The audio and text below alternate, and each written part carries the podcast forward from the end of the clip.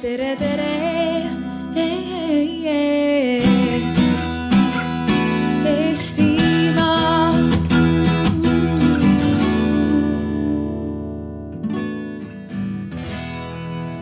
nii, tere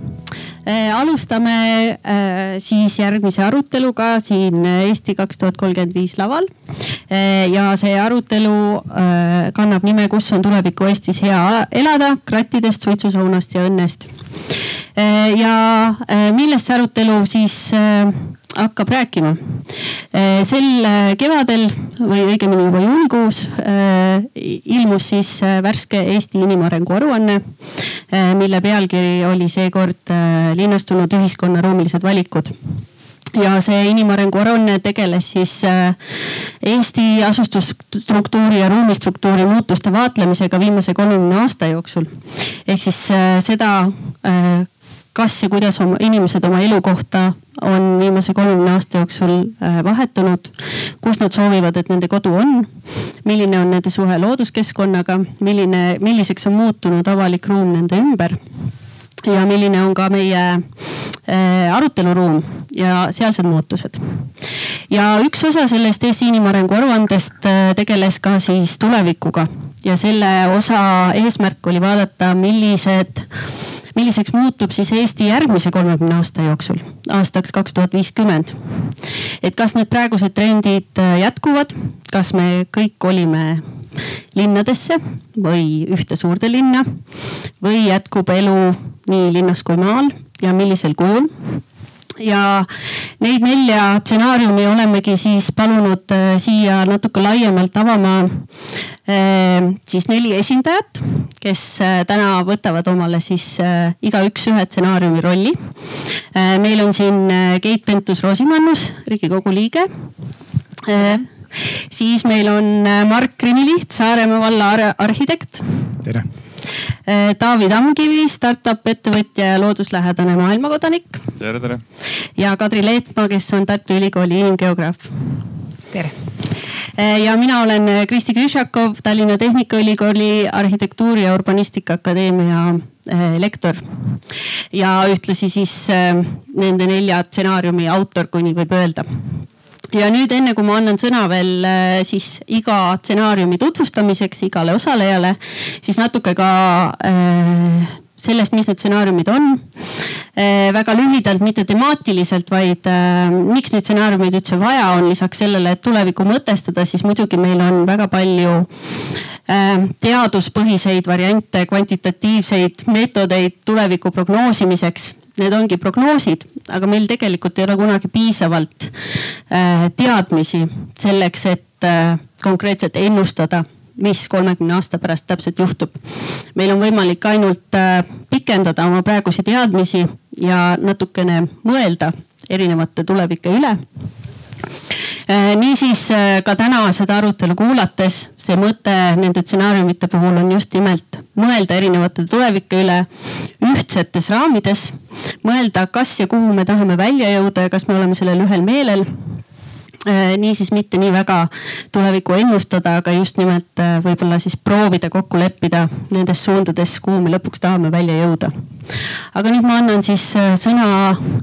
äh, iga stsenaariumi tutvustamiseks ja esimesena siis äh, Keit, sõna on sinul. aitäh, ma tohib, ütlen kohe ära, et need stsenaariumite jaotused ei ole mitte läinud selle järgi, et kes endale on lemmikstsenaariumi valinud ja seetõttu tutvustab, vaid, vaid need on võib-olla isegi nagu teatud väljakutsed tutvustada stsenaariumit, mida ilmtingimata ise kõige paremaks ei pea aga kõigepealt sellest inimarengu aruandest nelikümmend inimest, nelikümmend eksperti tegi seda aruannet ja see on üks, üks väga suur ja tänuväärne töö. kui siin on keegi, kes ei ole seda inimarengu aruannet lugenud, siis ma väga soovitan seda pärast arutelu lõppu teha. see on, on kindlasti silmi, silmaringi avardav lugemine ja tulevikustsenaariumitest see stsenaarium, mida, mida mina teile täna tutvustan, on siis noh, sisuliselt linnade stsenaarium või vabatahtlikult linnadesse surutud Eesti stsenaarium. Ja enne kui päris äh, selle konkreetse äh, stsenaariumi juurde minna, ma arvan, et on, on mõistlik korraks vaadata äh, väga lühidalt sellist laiemat trendi ja laiemat pilti maailmas, sest et see linnadesse noh surumine või linnadesse liikumine ju ei ole kuidagi ei Eesti ega siinse maailmanurga mingi eripära. et tervikuna maailmas praegu on iga teine inimene, kes linnas elab ja, ja arvatakse, et sajandi keskpaigaks äh, on umbes äh, viis miljardit inimest äh, linnades elamas üle, üle maailma kokku. Ähm, ja üleüldine trend on see, et ähm, et juurde tuleb just nimelt selliseid väga suuri linnu, et praeguseks ähm, ja ütleme, kui me mõtleme siin kümme, kakskümmend aastat ette, siis prognoosi järgi saab maailmas olema viiskümmend kolm megalinna, mis on siis äh, linnad, kus elab üle kümne miljoni inimese. Ja nendest omakorda suur osa äh, asub, äh, see saab asuma nendes piirkondades, kus, kus kliima muutub väga kiiresti, väga drastiliselt ja, ja mis praegu on sisuliselt arenguriigid. et sellistes kaunis keerulistes piirkondades. no Eesti seis nii drastiline ei ole, ses mõttes, kui me räägime suurlinnade suuruse mõttes. et meil praegu elab ähm, linnade mõttes ähm, küll rohkem kui iga teine, kuuskümmend üheksa protsenti inimestest äh, elab kas siis linnas või linnapiirkonnas ähm, kokku äh, pisut üle üheksasaja tuhande inimese elab Eestis, äh, on valinud siis oma elukohaks linna, nii et kui see sissejuhatuses sai öeldud, et et need prognoosid muuhulgas siis vaatavad, kuidas inimesed tahaksid oma elu kujundada. siis äh, noh, tuleb öelda, et sel sajandil äh, muuhulgas on, on jätkunud inimeste soovi järgi väga kiire linnadesse kolimine. sel sajandil on äh, viiskümmend viis tuhat inimest juurde läinud erinevatesse linnalistesse piirkondadesse elama ja, ja puhtalt nagu ruumi mõttes vaadates, siis see piirkond, linnaliste linnaline piirkond ise on kasvanud umbes saja kolmekümne kaheksa ruutkilomeetri võrra mis noh, ilmselt on selline number, mida on raske hoomata. aga võib-olla on lihtsam, äh, kui mõelda selle peale, et see on umbes üheksa Viljandi suurune äh, territoorium. et äh, üheksa Viljandi suurust linnaala on siis Eestis sel sajandil juurde terkinud, ilma et nagu otseselt ju nagu linna ennast juurde oleks oleks tulnud nii puht nagu administratiivses mõttes. ja see stsenaarium, mis siis näeb ette äh, linnadesse koondumist, ütleb, et, et kui jätkub selline noh, ikkagi suhteliselt planeerimatu areng, kus inimesed hääletavad jalgadega, siis on tulemus selline tõenäoliselt, et Eestis on kolm suurt linna, linnalist piirkonda, Pärnu, Tartu ja Tallinn. Tallinn nendest kindlasti kõige suurem ja, ja nii nagu Tallinna viimased noh, siin dekaadid on näidanud selle planeerimatuse suhtes, siis ähm, siis see suurlinnaline piirkond on kaunis kihist kihistunud selle stsenaariumi kohaselt. Ehm, on väga palju inimesi, kes elavad äh, linnas, tulevad linna elama, aga ei eelista mitte kolida kuskile keskusesse, vaid seavad oma elu siis nendesse juurde äh, tulevatesse, juurde tulnud äh, linna äärealadesse. see kihistumine sellise nagu planeerimatu või, või sellise täiesti nagu vaba arengu ähm, stsenaariumi kohaselt tähendab muuhulgas ka seda, et äh, näiteks koolid äh,, lasteaiad ähm, äh, saavad koonduma siis nendesse piirkondadesse, head koolid, head lasteaiad saavad koonduma nendesse piirkondadesse, kus ähm, kus elavad jõukavad, jõuka, jõukamad inimesed. Ja, ja kuni selleni välja, et kuna kihistumine saab olema väga suur, äh, kogu linnaline areng saab olema väga individualistlik, ähm, siis äh, noh, siin stsenaariumis on lahti kirjeldatud võimalust, et, äh, et needsamad jõukamad linnaosad eralduvad täiesti ülejäänud linnast, et mingit sellist nagu väga ähm,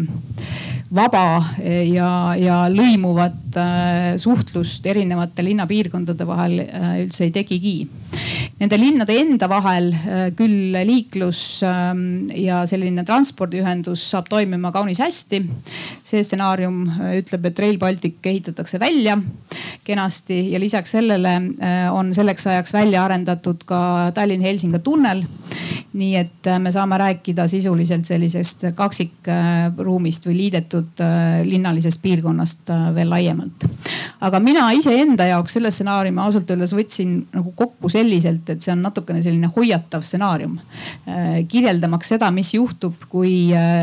kui põhimõtteliselt sellist suunatud planeerimist, arengut, avatud ruumi arendamist äh, ei toimu. et mis juhtub siis, kui asjad lähevad lihtsalt nii, nagu nad lähevad ja noh, ma ette ütlen, et see pilt ei ole väga ilus aitäh. Äh, nii, Mark tutvustab meile järgmist stsenaariumit. aitäh, et ma võib-olla nii palju lisaks, et äh, planeerimise mõttes iseenesest ei ole vahet, et kas inimesed kolivad linna, kolivad maale või lähevad üldse teise riiki, vaid oluline lihtsalt Äh, planeerida seda õigesti. aga minu siis äh, stsenaarium on ühe tunni Eesti, et see asub äh, kuskil seal ja, ja. plakat asub seal ja plakat asub seal ja iseenesest mul on selle suhestumisega üpris kerge. et see stsenaarium siis esindab selliseid kogukonna ühiseid väärtusi, avalikku ruumi, rohevõrgustikku ehk linnades, alevikes, külades, igal pool on põnevad linna linnaruumid, äh, põnevad tänavad, rohevõrgustik on seotud, äh, igast külast või keskusest on võimalik äh, rongi peale hüpata, sõita Tallinnasse, Tartu või mõnda teise linna. prioriteet üks on siis kergliiklejad, prioriteet kaks on ühistransport ja kolmandad või sekundeerivad liiklusvahendid on siis autoliiklus. Ja võib-olla selline suurem põhimõte on kaheksa, kaheksakümmend ehk kaheksa aastasel on mõnus äh, siin olla ja turvaline olla avalikus ruumis ja samamoodi on kaheksakümne aastasel mõnus ja turvaline siin olla. Äh, minul oli järgmisena kolmas stsenaarium, mis oli krattide ja marakrattide Eesti. et see nimi kõlas väga paljulubavalt, kui ma vaatasin, sellepärast, sellepärast mul oli hea meel, et ma sattusin selle otsa. aga enne kui ma seda kirjeldan, ma tahtsin lihtsalt kõigi nende stsenaariumite kohta öelda, et minu jaoks ei ole nii väga ennustamine, nagu Kristi rääkis, et me püüame ennustada või modelleerida, mis juhtuma hakkab, vaid pigem see, et mis me, kuhu me ise tahame ennast ja oma riiki suunata, et, et ähm, kodanikualgatus, äh, täidesaatev võim ettevõtjad, kõik muud, tegelikult me ise, ise teeme seda, et kui palju meid siin on ja, ja kus me elame ja, ja mis elukeskkond siin ümber on, et ma ei võta seda mitte paratamatusena, mida me üritame ära arvata, mis juhtuma hakkab, vaid see, et, et kuhu me nagu üheskoos tahame, tahame oma elukeskkonda suunata. ja, ja teisena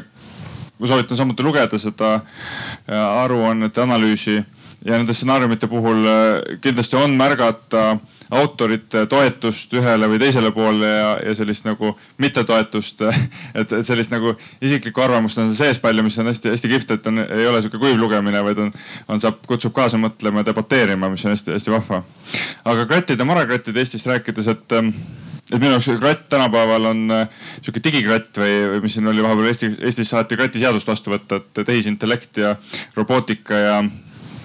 intelligentne masin. et, et kratt ja marakratid, mul endal on kodus neli marakratti ja siis ma kuidagi suhtestun sellesse teemasse väga, väga kenasti elades maal. aga kui ma hakkasin lugema seda, siis ma sain teada, et see on, ei ole üldse nii, nii roosiline pilt. et see on, tegelikult see kirjeldus meenutab mulle üsna sellist Eestit, nagu me täna elame ja küsimus on see, et kas me, kas me ühele või teisele poole suudame seda elukeskkonda muuta. aga, aga seal on jutt sellest, et on väga kihistunud Eesti mitmetes, mitmes mõttes, et on varaline kihistumine hästi suur, on, on väga rikkad, väga vaesed äh, inimesed elavad äh, maal ja linnas umbes kaks kolmandikku, natuke üle kahe kolmandiku inimesi elab, elab linnas nagu tänapäeval. Äh, mis me kuulsime, kuuskümmend üheksa protsenti on, selle järgi vist oli seitsekümmend protsenti elab linnas. heakord või ütleme, selline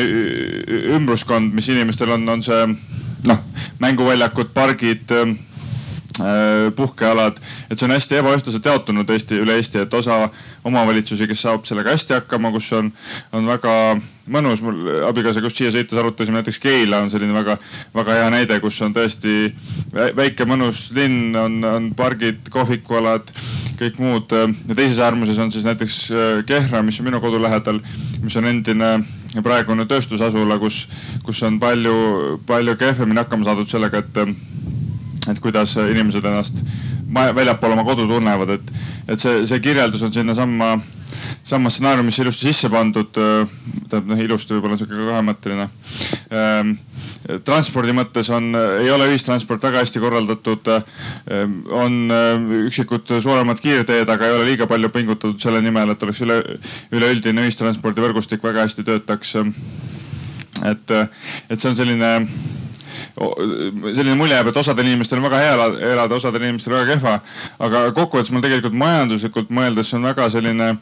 kapitalistlik ja ettevõtjasõbralik lähenemine, et, et seal ei ole, ei ole seatud piire inimeste hakkama saamisele. saatus on enda kätes, kes õpib, kui palju koolidel ligipääs. noh, endiselt meil on ühe, ühetaoline haridus et eh, jah, see ei olnud kõige positiivsem stsenaarium, aga samas jälle ta on, see on täna on meil siin ja küsimus on see, et kas meile meeldib see või tahame ühele või teisele poole seda kallutama hakata, nagu me siin kaas, kaaskõnelejate poolt kuuleme, mis need teised, teised võimalused on, kuhu poole me tahaks kallutada. nii aitäh, Kadri. aitäh, minul oli õnn olla selle paariaastase protsessi sees, kui inimarengu aruanne sündis ühe peatüki regionaalarengu peatüki toimetajana aga nüüd ma pean panema mütsi pähe selle stsenaariumi osas, mis asub plakatina kuskil seal ja selle pea, selle stsenaariumi nimi on Isemajandav Eesti äh,. hästi tore, et eh, kõlab nagu ime. ja kui keegi oleks mõni aeg tagasi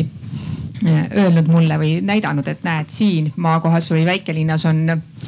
on mõned pered juurde tulnud ja ei, ei ole selle kahanemise trendiga enam midagi nii pahasti, nagu me oleme kolmkümmend aastat näinud, siis ma oleks öelnud, et,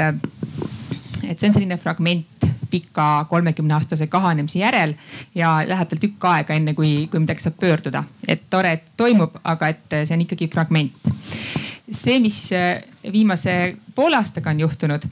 ei ole mitte mind veennud selles, et, et see tervisekriis ongi nüüd piisav, et pöördumine toimuks.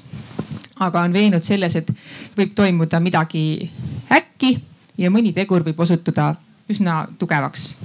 ja, ja selles olengi ma veendunud, et me kõiki neid tegureid veel ei tea. aga, aga miski nendest teguritest selle ise majandava Eesti poole viib ja nii nagu ime kunagi enam kui kolmkümmend aastat tagasi oli justkui lahti haakimine millestki, mida, mis tundus võib-olla võimatugi, siis, siis see ime eh, võiks tähendada seda, et eh, maakohad, väikelinnad suudavad ennast eh, lahti haakida linnalisusest, linnakeskkonnast ja sellest, et elu ilmtingimata peab linnade ümber keerlema. kindlasti ta mõnevõrra keerdu, keerleb seal ikka, sellepärast et äh, vaja on ju kuskile saada ka siit Eestist.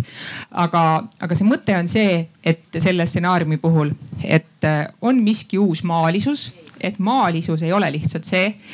et äh, asutakse linna lähedale maale ja elatakse seal linnaliselt, vaid vaid toimub maalisuse taasloomine või uusloomine. ehk siis maaline inimene ei ole selle stsenaariumi järgi see, kes vaatleb viljapõldu see võib, eh, selle puhul võikski küsida, et kui kõik vaatleks, siis uut maalisust ei, ei toodetaks ja ei tekiks ja varsti pole enam midagi vaadelda. ja aga kui me mõtleme, et kes need siis on või kuidas see siis toimub, siis, eh, siis üks selline märksõna selle stsenaariumi puhul on ka kogukondlikkus ehk siis see üleüldine heaolusüsteem riigis Eestis äh, on kas paratamatult või, või miskipärast on selline, et riik päris igale poole ei jõua. ja see kogukondlikkus on ka natuke selline uue heaolusüsteemi osa, et äh, ise vastutuse võtmine ja ega me ei saa kuskile liikuda nagu päris uuest kohast, et me peame liikuma ikkagi sellest kohast, kus me praegu oleme ja ehkki praegu tundub, et maailm on lukus ja globaalsed võrgustikud on kinni, siis äh, äh, need inimesed, kes sedaviisi, sedaviisi maaliselt elada tahaks, kui me nagu ei mõtle, et see on nagu kuhugi tagasiminek äh, kuskile väga maalisse kolhoosiaega, siis need inimesed võiksid näiteks olla selle stsenaariumi järgi mm, need noored, kes on juba läinud või siis on kohe minemas üle ilma kõrgkoolidesse ja tuleks siia tagasi Eestimaa sisu andma äh, siis näiteks kolmanda või teise või kolmanda või neljanda karjääri põhjal. et nad leiavad, et siin on midagi teha. aga see seltskond kindlasti ei, ei taha ennast isoleerida, et äh, siin see märksõna võiks olla, et, et on valik millal mul on aeglane aeg, millal mul on äh, luksus süveneda millal ma tahan olla online, millal ma tahan olla offline. Ja tegelikult tahaks võita ka nendest võrgustikest, mis on siis eelmiste karjääride jooksul loodud. Ma võtaks selle kokku, selle stsenaariumi selle mõttega, et võib-olla see stsenaarium kui neid tegureid on rohkem kui praegune tervisekriis kunagi, eh, võikski olla see, mis globaalsele tasaarengule annaks sisu ja, ja see koht, kus see võiks teostuda, oleks Eesti maakoht või väikelinn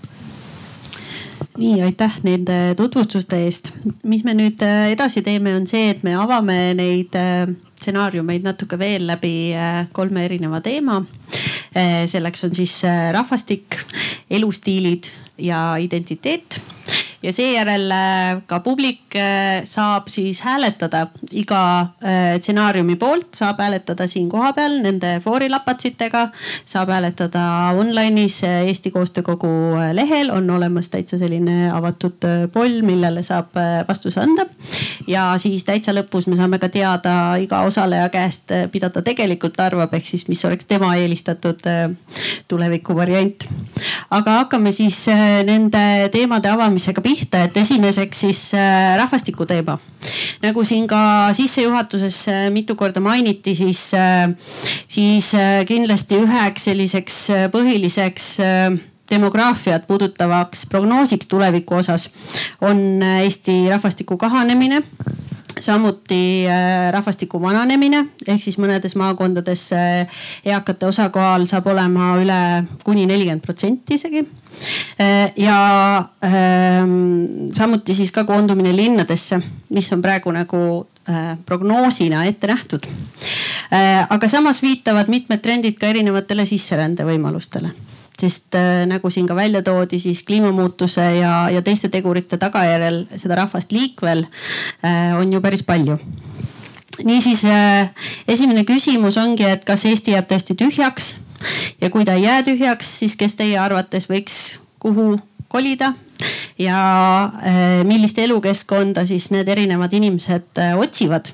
nii need, kes tulevad äh, Eestist väljaspoolt Eestisse sisse, kui ka siis need erinevas vanuses, erineva tausta, erineva huvidega eestimaalased Eesti, Eesti sees. nii et kas Eesti jääb tühjaks ja kes, kes kuhu kolib?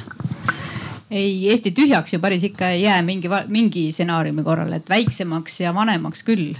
ja, ja noh, need, kuna demograafilised protsessid on nii pikad protsessid, siis, siis lihtsalt ähm, praeguse elanikkonna vananemine, noh, see on,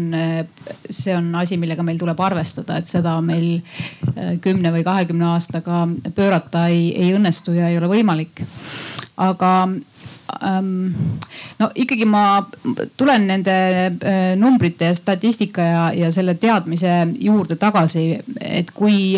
kui linnad kasvavad, siis järelikult mingil põhjusel äh, noh, inimesed eelistavad seda linnalist keskkonda.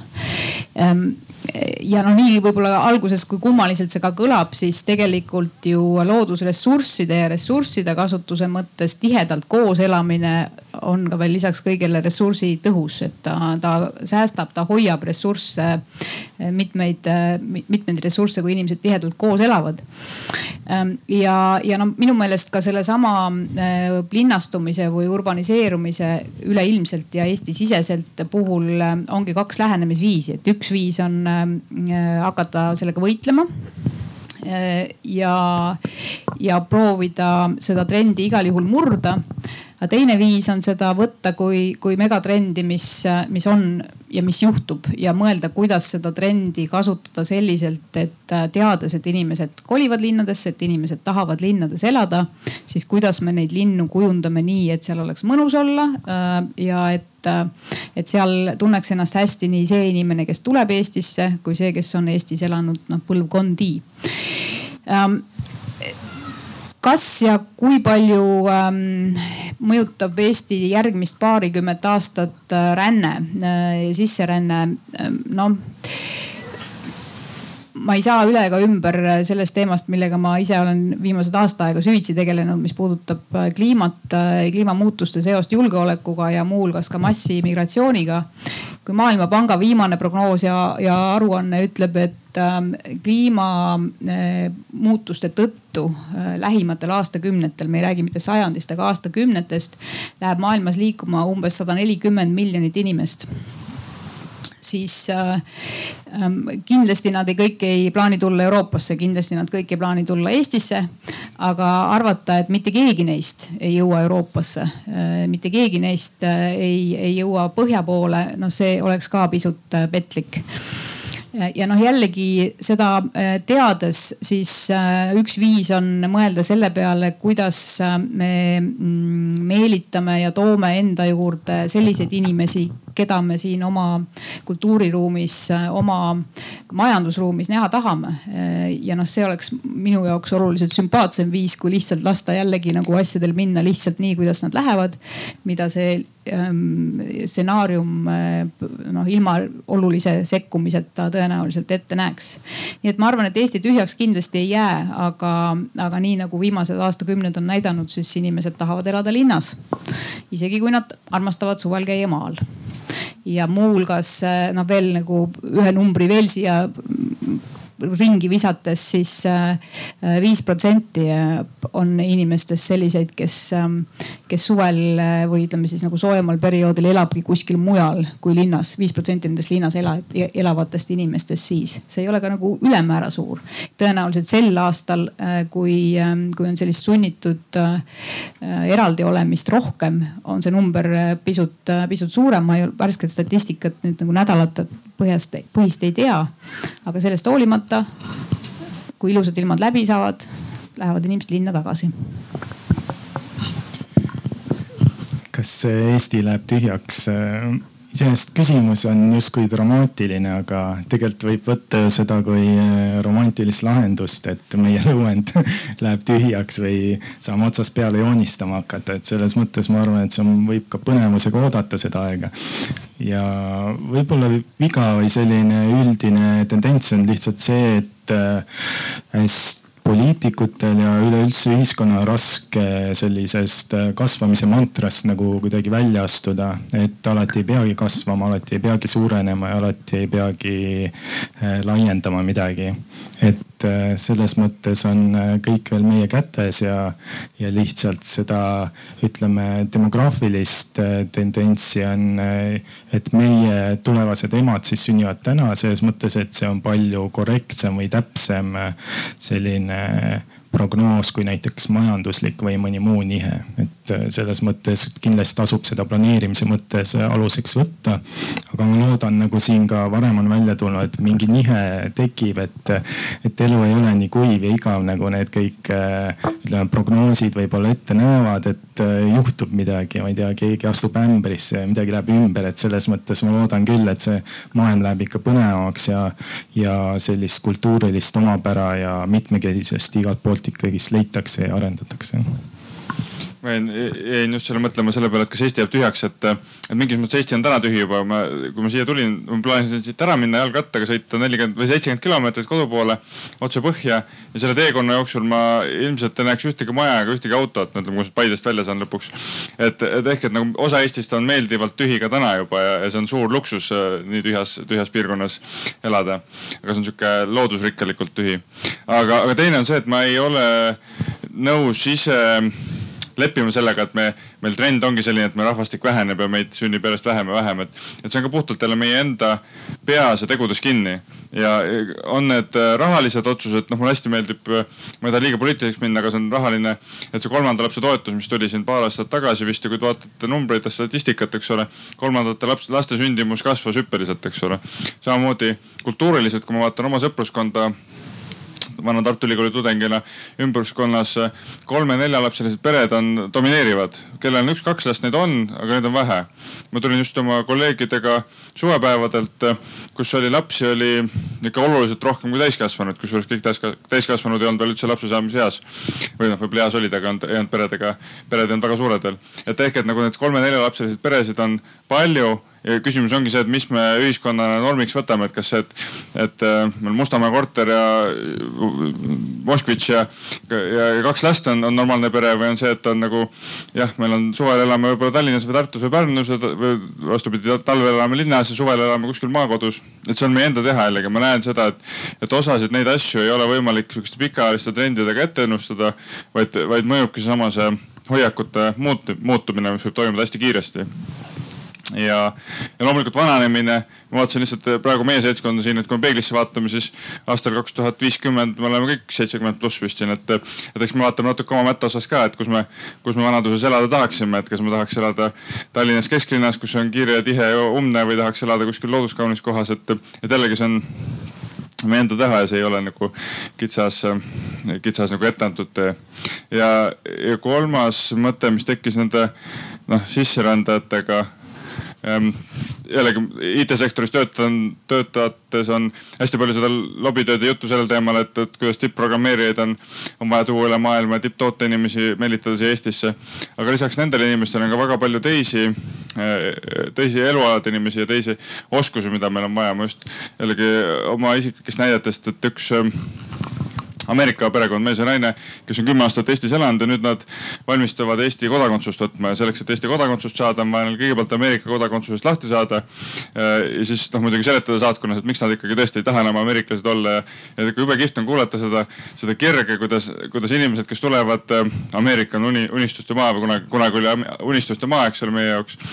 ja nüüd nemad tulevad siia, et Eestis on nagu parim koht, kus üldse saaks olla, et jah, teil on mingisugused, vahepeal on külm ja vahepeal on mingisugused poliitilised skandaalid ja mis iganes, aga, aga noh, nad ei taha mitte kuskil mujal olla, eks ole. ja samamoodi, kui ma mõtlen ähm, ka lihtsamate tööde tegijate peale ähm,. jällegi ma ei räägi isegi põllumajanduse ütleme käsitööst, vaid, vaid ma räägin ka lihtsatest sulas, sulastest, et ma olen maal, mul on noh, klassikalises mõttes mul on sulast vaja appi ja tuleb äh, tubli noormees äh, Krimmist, väliseestlase järeltulija, ta tahabki tulla Eestisse äh, lihtsalt füüsilist tööd tegema, talle meeldib siin kliima, talle meeldivad inimesed, et, et, et hoiame oma uksed lahti sellistele inimestele, kes tahavad tulla. ja seesama see kliima, kliimast tingitud ränne tegelikult noh, ta võib meid mõjutada, kui arvata arvata, kui väike protsent, sada nelikümmend miljonit kogu maailma elanikkonnast on, et see on, on noh, noh mitte kaduvväike protsent, eks ole, aga see mõjutab kõiki. noh, kui tuleb väike, väike kopikas ka siia, väike protsendi murdosa tuleb ka siia, et tegelikult siis me võidame sellest kõik, et, et mitte ei kaota, et see on, on ka see koht, mida ma tahan hästi nagu lahtiste ustega uusi inimesi oodata siia et ma võib-olla vahepeal segan vahele, et äh, sa lihtsalt tõid sellise hästi levinud näite, et äh, linnas on umbne halb õhk ja, ja kõik on halvasti ja maal on hästi keskkonnasäästlik. et mulle tundub, et arhitektid, planeerijad on seda, ütleme paradigmat püüdnud vähemalt kuuskümmend aastat muuta. ja täna juba on selliseid linnu või vähemalt linnaosasid, kus on, saab palju keskkonnasäästlikumalt elada kui maal kuskil metsa sees. et selles mõttes see on ka planeerimise küsimus lihtsalt mul on nüüd neid mõtteid nii palju kogunenud. Äh, võib-olla esimene asi, mida öelda tahaks, oleks see, et et äh, rahvastikuprotsessid on hirmus pikad. Äh, et kui me võib-olla tahame, et oleks kaks-kolm last, aga kui me näeme, et on ikkagi keskeltläbi seal üks koma kuus, üks koma viis last statistika järgi, siis naise kohta elu jooksul, siis ja tegelikult pea kuskil Euroopas ei ole kaks ja rohkem, siis, siis on ega, ega ei saa küll mingi normiga saavutada Senegali sündimuskordajaid, et, et pole midagi teha, tuleb leppida. ja teine asi on see, et see on ka natuke abstraktne, et mis on linn ja mis on linnaline et me võime mõelda, et jah, linnalised asulad, et on seal ligikaudu seitsekümmend protsenti inimestest elab linnadest. aga mis see linn siis on, et kui eh, Elva on linn või Kuressaare on linn või, või ka Supilinn on linn, et kui me paneme siia nüüd mingisugused maailmalinnad kõrvale ja mõtleme, kui linnaliselt siis elatakse ühes või teises kohas nii-öelda rohekasutuse osas, siis, siis eh, võib diskuteerida, et mis on linnaline elu. Et eh, võib-olla pigem, mis kui ma vaatan Eesti asustust tervikuna, siis, äh, siis üks tegur, mis äh, ikkagi võib viia selleni, et, et no vot ei saa elada igal pool, on see, et, et su elu igapäevaselt on ikkagi suhteliselt praktiline. et äh, üksi elades lihtne teed oma tööd kaugelt, aga kui sul vähegi on seal veres veel kedagi, keda kärutada või, või mööda huviringe vedada, siis võib sul see igapäevane tegevusruum olla päris keeruline ja päris aja ja ressursikulukas ja väsitav. et äh, üks võimalus öelda, et kuidas inimesed tahavad elada, on see, et, et miski, mis neile seda igapäevast elu võimaldab, endale töö, võib-olla kaasale töö, lapsele huviring äkki tahaks ikka balletti, onju. et, et elatakse ikkagi selles kohas, kus, kus nagu tuleb ots otsaga kokku ja on võimalik see iga päev ära elada. Äh, nii et, et nagu jõuab igale poole, mis, mida nagu tahaks näha oma elukvaliteedi ja oma pere elukvaliteedi osana. ja, ja siin on nüüd küll see koht, kus peaks küsima, et, et kus on need minimaalsed keskused Eestis midagi ei ole teha, keskuseid on siin vaja, need on sõlmpunktid ja need on sellised aglomeratsiooni efekti kohad, kuhu, kus eh, päris palju asju annab korda ajada. et, eh, et kus need on, et kui eh, praegu me vaatame, siis sellised linnad nagu Võru, Kuressaare, Viljandi, võib-olla Rakvere Haapsalu on tugevamad, need on sellised äh, vanemad, äh, mitmekihilisemad linnad. ja tegelikult kohad nagu Jõgeva, Põlva on, on jäänud nõrgemaks. et kui nüüd see Eesti, üle-eestiline keskuste võrk on ainult Tallinn, Tartu ja võib-olla siis Rail Balticu järel ka rohkem Pärnu, siis äh, ei pruugi see olla piisav, et elada igal pool. rääkimata sellest, kui linnaliselt või maaliselt tahaks elada igapäevaselt korra tuleks selle eh, keskkonna kujundamise juurde veel tagasi, et eh, ma ei tea, kui paljud teist eh, juhtusid siin olema eelmise arutelu ajal, mis puudutas Ida-Virumaad, mis oli üks väga hoogne ja, ja hea arutelu. Siis seal käis ka mitu korda läbi töökohtade teema, et kui palju mõjutab inimeste elukoha valikut ikkagi see, kas ja millist tööd on. siis minu enda jaoks natukene huvitava järelduse, nii on üldiselt jõudnud viimasel ajal arenguökonoomia ökonomistid, kes ütlevad, et, et see ei ole enam sugugi nii, et ainult töökohad mõjutavad inimese siis elukoha valikut. et inimesed tahavad elada seal, kus on mõnus, kus on hea elukeskkond, kus, kus tõesti on lastel turvaline, kus on vanadel inimestel turvaline. ja nad on valmis tööl käima sellest lahedast elukohast, äh, kus nad elavad, et selles mõttes veel kord, et see, et, et toimub äh, linnastumine ja inimesed kolivad linnadesse, ei ole iseenesest mingi katastroof, kui need linnad on oma elukeskkonna mõttes head ja mõnusad kohad elamiseks. kuidas nad saada heaks ja mõnusaks kohaks, kus elada, noh, see on juba nagu järgmine ja teine teema, aga, aga iseenesest jah, selline nagu üsna huvitav nüanss liikumise puhul. Tegelikult sedasama teemat jätkates, et, et kui mõtlete oma elu peale, siis äh, on nihuke inimese elus on üks viis äh, hetke või viis perioodi, kus, kus tegelikult äh, peaks uuesti üle mõtlema, et kus ja kuidas elada, et vastavalt vanusest, perekonnaseisust, ütleme, kus me pensionipõlve vedame, kus me ülikoolis käime, kus me väikseid lapsi, noh eelkooliealiseid lapsi kasvatada tahame, kus on parim, ma ei tea, gümnaasiumiharidus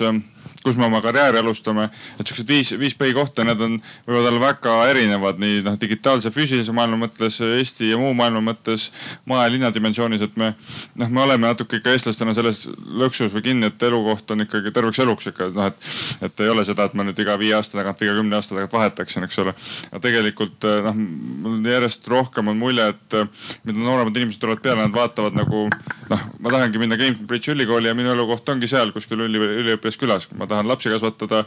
Võrumaa metsade vahel esimesed viis aastat, ma kasvatangi seal, ma tahan lapsed viia, ma ei tea, parimasse eurokooli kuskile, ma lähen kasvatan seal, et see, seda paindlikkust ähm, ja teadlikku elukoha valikut vastavalt sellele, kus ma parasjagu olen oma elu, eluasjadega. et see noh, küsimus on see, et kuidas me tahame Eesti eri piirkonnad saame piisavalt atraktiivseks teha, et noh, meie oma inimesed kes on Eestist ära läinud või elavad kuskil kohtades, kus nad võiks tulla tagasi, eks ole, kuidas me saame ennast nii atraktiivseks teha, et neid siia vastavasse kohta meelitada, olgu see siis maalinn, Tallinn, Tartu või Lasnamäe või mis iganes. aga noh, siin jällegi me peame lisaks sellele trendile, et inimesed kolivad linnadesse, arvestama selle teise trendiga, millest me, mida me siin põgusalt puudutasime, mis puudutab äh, vananemist, ühiskonna vananemist. et kui sellel samal kahe tuhande viiekümnendal aastal, kui me kõik oleme seitsmekümne ringis, on äh, iga neljas inimene Eestis on äh, üle kuuekümne viie aastane, siis see paratamatult mõjutab ka neid linnu en, endeid, et ja noh, sellega on mõistlik arvestada ja, ja selle planeerimise kavandamise puhul kõike arvesse võtta seda juba praegu, et need linnad ka tõenäoliselt oma loomult muutuvad puhtalt seetõttu, et demograafilised protsessid on sellised üksjagu, et see linn, mida täna võib-olla eelkõige nähakse mm, noh, kõige elamisväärsena, väärsema linnana sellele linnale esitatakse teistsuguseid tingimusi ja nõudmisi inimeste enda poolt, kui vanu inimesi on, on lihtsalt rohkem. Kuigi selle, selle koha pealt ma ikkagi jään eriarvamusele et see, et, ühelgi naisel või neiul, kui ta läheb ähm, jõuab küpsesse vanusesse, ei ole otsaette tätoveeritud, et üks koma kuus või üks koma seitse last, eks ole, et, et kui ma, kui ma abiellusin oma abikaasaga, mul ei olnud mingit numbrit ega normi ette antud, kas ma saan null või kümme last, aga, aga elu läks nii, et, et saime neli. ja elu oli selles mõttes, et, et ümbruskonna sõbrad-tuttavad, kes said palju lapsi ja oli, oli võimalik seda eh, palju lapsi saada, et, et ehk siis nagu see, see võib muutuda väga hüppeliselt. noh, kaheteist aasta taguse ma oma pere vaatan, eks ole, kui me vaatame Eesti, iga pere on oma isikuline, eks ole, et, et seal see statistika tuleb lõpuks kokku, aga, aga meil ei ole ühtegi seina ees, et miks me peaksime või peaks nii või naa tegema, eks ole, et pigem ongi see,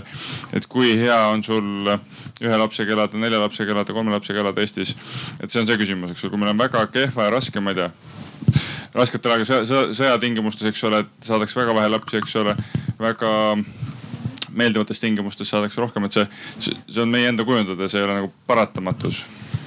aga no lihtsalt nagu siin enne viidatud sai, siis see ma noh, ma arvan, et keegi meist ei vaidle sellele jutule vastu, aga me teame numbreid ja me teame seda, milline on see rahvastiku eh, osakaal nende protsesside juures, mis juba käivad ja mida enam noh, enam sellisel kujul ju ümber muuta ei ole võimalik viieteistkümne aasta jooksul või kahekümne aasta jooksul.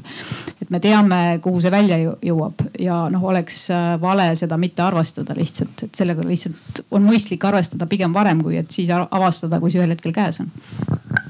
aga jah, selle koha pealt olen ka nõus, et inimesel on elus teatud etapid ja tavaliselt need, need muutused elukohas toimuvad ka teatud ülemineku etapis. Ja, ja siin küll on see vananemise teema päris õige asi, mida mõtestada, sest et noh, seni on rahvastiku arengutes pigem olnud see, et kui inimene ei ole nii palju enam pere kaudu linnateenustega seotud ja ise no, võib-olla natuke veel tööga seotud, aga mitte päris, siis tal on nagu natuke lihtsam linnast lahti haakida. et siin võib see olukord olla ka nii, et, et sellised kõrgelt haritud ja tugevad inimesed saavadki eakaks ja täidavadki maa. ja siis peab maa ka muutuma ma ühe nüansi toon siia veel sisse nagu täiesti teisest valdkonnast, mis puudutab äh, puhtalt nagu raha poolt ja raha kasutamist, mille peale nagu noh mõeldakse võib-olla natuke teise nurga alt tihti, et äh, kui me teame ette, et äh, demograafiliste protsesside tõttu on meil sajandi keskpaigaks tööturul umbes sada kakskümmend tuhat inimest vähem siis see tähendab, et meil on sada kakskümmend tuhat vähem, väiksemat, vähe, vähem inimesi, kes on maksumaksjad, kes täidavad eelarvet, millest kogu seda avalikku ruumi tihti kujundatakse, kus tehakse investeeringuid infrastruktuuri, kust otsustatakse eh, muuhulgas ühistranspordi eh, arenguid uutele täiesti arenguetappidele viimist. see tähendab, et reaalselt on raha, vähem raha ja seetõttu on mõistlik eh, ka need otsused, mis on, mis on sageli väga pika mõju ja pika vinnaga, teha ära praegu, kui meie tööjõuturg on veel umbes kuussada kuuskümmend tuhat inimest, mitte miinus sada kakskümmend tuhat sellest kuuesaja kuuekümnest. ja see puudutab noh jällegi, et puudutab mitte ainult avaliku ruumi investeeringuid, aga muidugi kogu avalikku raha, kaasa arvatud eakatele ja, ja lastele minevaid äh, rahasummasid riigi poolt. äkki siis ongi see heaoluühiskond sealmaal, kus see isemajandav Eesti on, et äh, kogukond peab sinna äh, heaolusüsteemile õla alla panema veel ei ole see koht, kus me võime öelda, mis stsenaariumit me ise tahame ma ei tea, kas ma tahan, aga see on üks võimalus. ma, ma võib-olla nii palju kommenteerin, et kui vanasti oli hästi kerge nagu aru saada, mis see hea ruum on, et äh, Nõukogude Liidu siis ütleme linnas pidi kaks lasteaeda olema, üks koolimaja ja söökla, et siis on juba päris hea koht, kuhu elama minna ja lapsi tegema minna. et tänapäeval on need äh, ütleme sellised äh, parameetrid, mida valitakse hoopis abstraktsemad või kui arendajad näiteks tulevad Kuressaarde, on täitsa kama, kas meil on tööstusalasi või mitte. Nad vaatavad, kuidas kohvikul on, kas teenindus on mõnus, kas nad tahaks siin õhtuti aega veeta. Ja see on see nagu otsustamise koht, et samamoodi noored äh, valijad võib-olla selle järgi, et kas, äh, kas selles linnas on vegan kohvikut, et kas mul on midagi õhtuti kuskil käia, et see, see või noh, selles mõttes, et need valikud lähevad nii laiali ja see on, ma arvan, põnev ja, ja läbi selle me peaks võib-olla ka seda ruumi looma nii, meil on äh, aeg liikuda edasi järgmise teema juurde, äh, mis on siis elustiil, aga seda on juba siin ka esile toodud äh, praeguses eelnevas diskussioonis. ja ma juhataksin selle sisse niimoodi, et äh, linna ja maaelu kohta on käibel päris palju stereotüüpe. Äh, sageli, kui ühes või teises keskkonnas meile tundub, et millestki jääb puudu, siis kui linnas midagi ei meeldi, soovitatakse, et koli maale ja kui maal on midagi puudu, siis suundutakse seda linna otsima aga milline võiks siis olla maaline ja linnaline elustiil aastal kaks tuhat viiskümmend? et kas see on siis igal pool lõppkokkuvõttes ühesugune, sest me kõik oleme samasse internetti ühendatud ja istume kõik täpselt samamoodi arvutis ja lapsed istuvad siis äh, e-koolis samamoodi arvutis. Äh, või siis äh, jäävad kehtima teatud stereotüübid, et maal on siis see ilus looduskeskkond, mida juba Kadri välja tõi, et aga kes siis seda looduskeskkonda seal tekitab, et kas põllud kaovad ära või, või kuidas nende põllumajanduse ja metsandusega siis jääb ja kas linnad jäävad selliseks äh, nagu siin juba ka stereotüübina välja toodi, et meil on selline asfaltkõrb, kus äh, keegi kedagi ei tunne ja, ja tuntakse pigem suurt äh, üksindust. või on meil üha enam seda, et meil ongi mitu kodu ja et me ise samamoodi vahetame, paneme omale teise mütsi, mütsi pähe hooajavahetuses või, või nädalavahetuse vahetuses. nii et teie arvamusi siis selle kohta, et äh, kuidas siis tuleviku maa ja linn hakkavad välja nägema? et äh, ma arvan tegelikult, et ka täna on meil võimalik elada täpselt sama elu nii maal kui linnas, et meil on võimalik tellida IKEA toodet, on ju, Inglise hommikusööki süüa ja vaadata telekast äh, sama uudiseid näiteks, et selles mõttes ma arvan, see seis on juba kohal, et maal ja linnas saab täpselt samamoodi elada. nüüd on küsimused, mis tulevik on, ma arvan, see on iga inimese enda otsustada mina vaatan, see on jälle see, et nii palju eri dimensioone, kust vaadata, et ma elan maal ja ma ei taha, et mul Estonia teater oleks kümne minuti jalutuskäigu kaugusel või, või kui ma elan, elan Kalamajas, et siis ma ei taha, et ma poole tunniga või kahekümne minutiga jooks rappa kuskil, et, et sul teatud iseärasus jääb. pigem elukvaliteedi näiteks noh, kui mõtleme nagu jällegi seda majanduslikku toimimist ja, ja kust Eesti inimesed peaksid oma sissetulekut saama, et loomulikult kohalik majandus, mis on suuresti täna juba laiali jagatud ja ma ei tea, kohalik pangandus ja ehitussektor ja kõik muud, et see on nagu suhteliselt kapital on nagu paika loksunud juba. et ainuke viis, kuidas nagu Eestisse rikkust juurde tuua, on läbi rahvusvahelise välisturgude, eks ole, noh, mida me suudame müüa, oma teadmist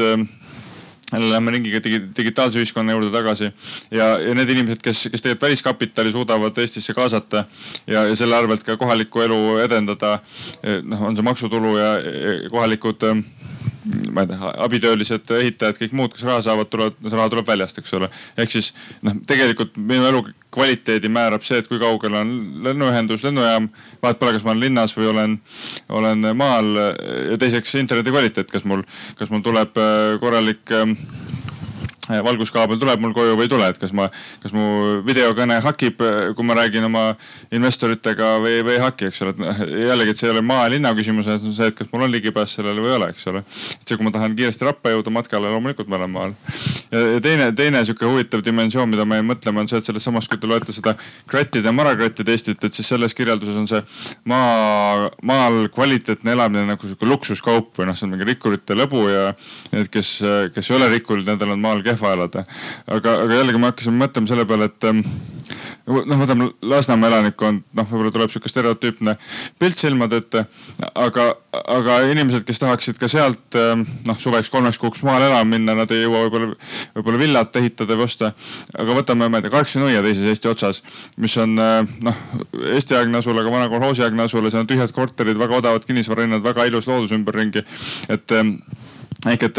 et Lasnamäe inimesele Karksi-Nuia korter osta, kus ta suve saab veeta. jällegi see on ka noh, nii-öelda elu maal eh, Tallinnast tulles eh, bussiühendus töötab. et noh, me ei pea mõtlema ainult sellises nagu kitsas võtmes, et kes elab mõisas ja kes ei ela mõisas, eks ole. et, et on, on ka siukseid vahepealseid üleminekuid ja jällegi, et see kahes kohas elamine on, on järjest ähm, kättesaadavam tänu sellele, et noh, osa Eestist vajubki tühjaks, aga, aga, aga selle tõttu tänu sellele kinnisvarahinnad lähevad alla ja, ja on nõudlust ja vajadust, et tuleks sinna uusi inimesi, kes muidu ei tuleks sinna võib-olla, eks ole. See oleks äge, aga ma ei tea, kas ma usun sellesse, et äh, ma arvan, et see, see pilt on palju mitmekihilisem et äh, oletagem, et äh, Tallinn-Helsingi tunnel saab valmis, linn toimib kaksiklinnana maailmas, üks suurem linn, natuke suurem linn rohkem. ja äh, selles linnas võib elada igat moodi võib elada maal ka igat moodi. võib elada väga isoleerituna, väga segregeerituna, väga vaeselt, väga rikkalt, äh, väga ühendatult, väga isoleeritult ja, ja ma kardan, et see pilt on pigem see, et äh, et nii linnasiseselt on erisused hästi suured kui ka maasiseselt. et äh, me ei oska seda päris ette veel näha, et äh, kelle käes on maa, mis ta sellega teeb. kas ma elan maal ja minu jaoks on ainult see nagu väga lähikeskkond ja väike krunt tähtis ja ülejäänu on siis, ma ei tea, päiksepargi põld või, või kelle käes see maa on nagu pikaajaliseks investeeringuks, et äkki kliima kunagi muutub nii, et läheb hinda või. et see võib olla palju kirjum, see pilt et äh, ma arvan, et me näeme paralleelselt kõiki protsesse, rikkust ja vaesust linnas ja maal ma olen sellega väga nõus, et see pilt kindlasti ongi väga kirju ja, ja mõjutatud mingitest arengutest, mida ükski prognoos äh, ei saa ette näha, sest et need arengud saavad olema lihtsalt väga ootamatud, äkilised. aga, aga kui ma mõtlen nüüd sellesama viimase poole aasta peale, siis, siis muuhulgas äh, see vajadus inimestel, kes on sunnitud äh, või on ise valinud oma elu äh, elamise linnas, vajadus just nimelt nende samade ennast nagu enda laadimise kohtade järgi, rohealade järgi äh, loogiliselt seotud äh, selliste rek-, õudse sõnaga rekreatiivalade järgi. Äh, et see ainult kasvab selles mõttes linnastumine mitte ei kahanda vajadust selliste kohtade järgi, kus jalutamas käia, jooksmas käia, siis kui sa kogu ülejäänud päeva oled internetis pidanud Zoom'i koosolekuid ja, ja tegelenud digiõppega ja see on kindlasti jälle üks asi, kui me tuleme jälle ringiga tagasi selle juurde, et kuidas äh, me kujundame seda ruumi, teades, et inimesed tahavad elada linnas ja on kolinud väga palju linnadesse ja tõenäoliselt jätkavad linnas elamist ja see omakorda mõjutab elukvaliteeti väga-väga otseselt. ma ütlen ausalt, et mina selle ähm, eriolukorra ajal, ma jooksen muidu ka hommikuti, aga ma ei ole kogu oma jooksu, karjääri jooksul äh, näinud nii palju inimesi sporti tegemas väljas kui praegu. see näitab seda, et kui inimesed on sunnitud ja surutud muidu äh, kinnisesse ruumi, siis nad otsivad seda võimalust sealt välja tulla. Nad tahavad käia ja, jalu, ja jalutada ja joosta. ja see iseenesest ju äh, noh, see on jälle asi, mida tuleb arvesse võtta planeerimise puhul samamoodi. ja stsenaariumitest, kui siin üks stsenaarium on ähm, Äh, ühe tunni Eesti, eks ole, et äh, mis muuhulgas tähendab, et äh, siis tunni kaugusel on, on väga palju või olulisemad teenused kõik oleksid kättesaadavad, siis võib-olla selle ala üks stsenaarium võiks olla viieteistkümne minuti linn. et, et meie linnade suurust jälle arvestades, no nad ei ole siin, ma ei tea, suurte Pakistani linnadega võrreldavad või, või suurte megalinnadega, kus on kakskümmend ja pluss miljonit inimest. see, et sul, kus iganes sa seal linnas äh, parasjagu elad, sul viieteistkümne minuti kaugusel ja ma arvan, et see võiks olla viieteistkümne minuti jalutuskäigu kaugusel äh, või jalgrattasõidu kaugusel, on äh, kõik need teenused, mida sa vajad et selle planeerimise puhul ka seda arvesse võtta, et sa ei pea käima ühest linna otsast teise linna otsa tund-poolteist, tekitama veel liikluses probleeme, vaid et sa saaks need oma teenused sealt suhteliselt äh, lähedalt kätte. jälle planeerimise asi, teades, et inimesed tahavad elada linnas jah, sellel on selline ilus nimi nagu lühikeste teede linn. et see ei pea olema ilmtingimata ilmtingimata jah, et kõik teenused, aga mõned asjad nagu no ei pea rulluisku siit auto peale panema, sõitma poolteist tundi ja siis rulluisutama, eks ju. või mõned muud näited. et, et on üht-teist, mida ta sa tõesti võiks saada viieteist minuti raadiuses jalgsi nii töökoha lähedal kui, kui siis kodu lähedal ära teha. Aga, aga samas jälle julgustan ka laiemalt mõtlema või ütleme seesama, et, et ütleme, kui meil ongi viieteist minuti linn ja seal on kohapeal kõik ägedad asjad olemas, et siis tegelikult inimene ikka kipub, ka linnainimene kipub maale loodusesse, eks ole. et seesama viimase poole aasta kogemuse peale mõeldes, et kui, kui linnainimesed läksid lastega õue ja siis, et lapsed tahtsid mängida, oli parkla või lapsed, laste mängupark oli lintidega ümber piiratud, kus nad siis läksid, eks ole, või. või see, et kui Viru raba oli meeletult ülekoormatud kogu aeg matkajate poolt, eks ole, see näitas seda, et inimesed tahavad tulla linnast maale, aga, aga see näitaski seda ka, et kui vähe neid kohti on, kuhu minna, eks ole, et. et võtame seesama Tallinnast või ka Tartust ütleme poole tunni sõiduraadius. millega üldse sinna sõita saab, noh rongiga saab vahest mingitesse kohtadesse, eks ole, mis seal on, on RMK rajad ja siis on tükk tühja maad ja siis võib-olla mingi kohalik omavalitsus on midagi investeerinud, eks ole. Tallinna ümber seesama Neeme küla, tohutult ilusad rannad, kohad, kas ratastooliga on võimalik minna sinna, kas,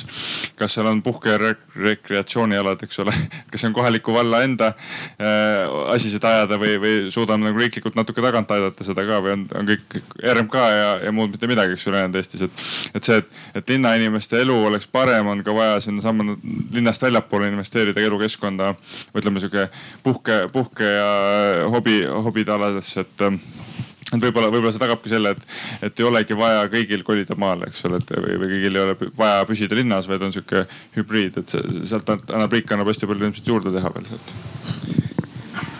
jah, et äh, mulle meeldib ka see või mõte, et iseenesest äh, hästi palju tahtsid metsa tagasi minna, aga nende ütleme RMK kohtadega võib-olla ongi see, et nad on kuidagi nii,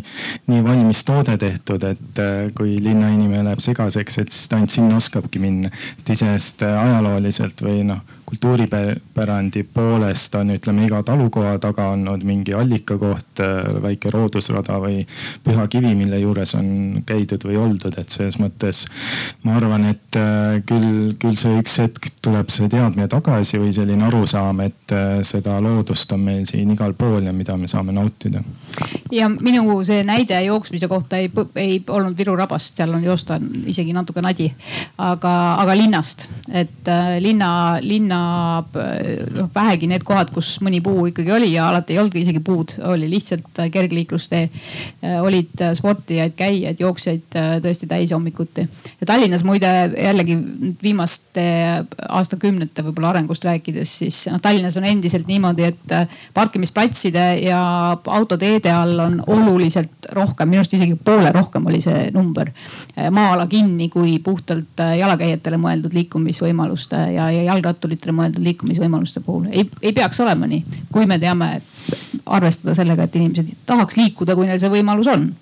et mulle tundub, et see koroonaaeg näitaski seda, et tegelikult inimesed sisemiselt tahaks seal looduses natuke joosta ja rekreatsiooniga tegeleda. et see on, ma arvan, oluline selline, ütleme küsitlus või noh, arusaam üldse sellest äh,